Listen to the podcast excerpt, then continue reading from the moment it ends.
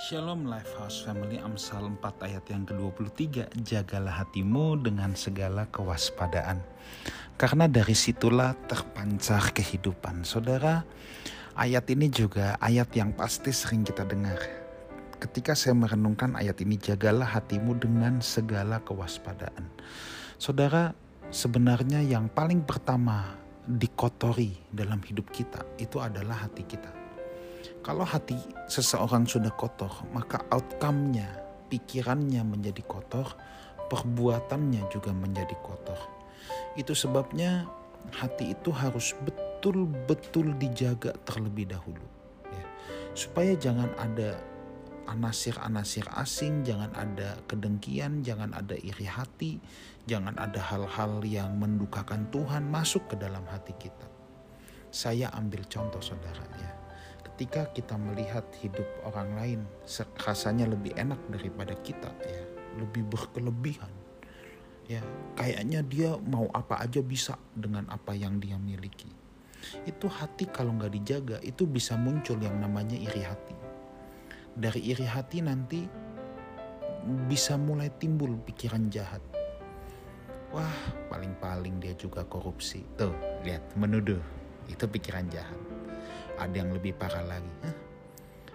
Gua colong nih, gua rampok nih. Nah, itu pikiran jahat. Akhirnya direalisasikan kepada tindakan. Makanya Alkitab berkata, jaga hati. Bukan jaga pikiran, bukan jaga perbuatan, jaga hati dulu. Sebab pintu masuknya itu memang di hati, saudara.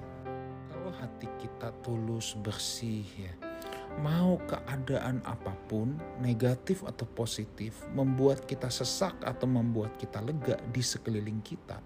Kalau hati kita tulus, maka kita tetap pasti bisa berjalan lurus. Nah, untuk menjaga hati kita tulus dan bersih, saudara ya, kita itu harus menjaga, harus dijaga. Dijaganya juga nggak asal, tapi dengan segala kewaspadaan. Artinya apa? Saudara kalau yang namanya kita harus waspada. Artinya apa? Berhati-hati, ekstra hati-hati. Karena memang kegelapan selalu ingin merusak anak-anak Tuhan. Dan untuk merusak anak-anak Tuhan yang dirusak paling duluan, yang dirusak paling pertama itu hati, saudara. Bukan hal lain, hati yang duluan mau dirusak. Kalau hati udah diobrak-abrik, nah itu udah selesai dan rupanya hati kita itulah yang bisa memancarkan kehidupan. Ya, hati kita itu memancarkan kehidupan. Sekarang dalam hidup kita ini mau memancarkan kehidupan atau memancarkan kematian atau memancarkan kesuraman.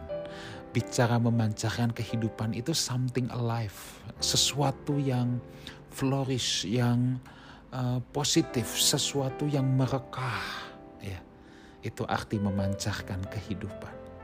Jadi kalau saudara melihat orang baik ya dari apa yang dilakukan, apa yang diucapkan ya, orang kalau bersih hatinya itu beda saudara ya. Saudara akan merasakan bicara sama dia lewat perbuatan dia terpancar itu yang namanya kedamaian, yang namanya keberkahan untuk orang lain. Tapi kalau kita ketemu orang yang licik, jahat, hatinya kotor, wah, itu yang terpancar dari hidupnya apa? Kesuraman, kemuraman.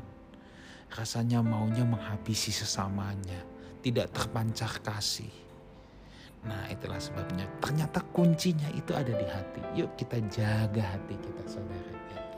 Kita jaga hati kita. Ketika orang bersalah sama kita, orang menyakiti kita, kita jaga hati kita supaya tidak dikotori. Ya.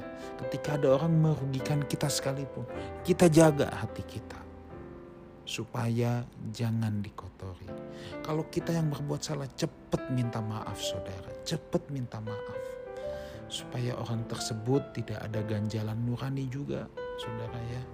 Mari doa saya kita semua bisa menjaga hati kita dengan segala kewaspadaan dari situ terpancar kehidupan yang memuliakan Tuhan. Tuhan Yesus menyertai kita semua. Amin.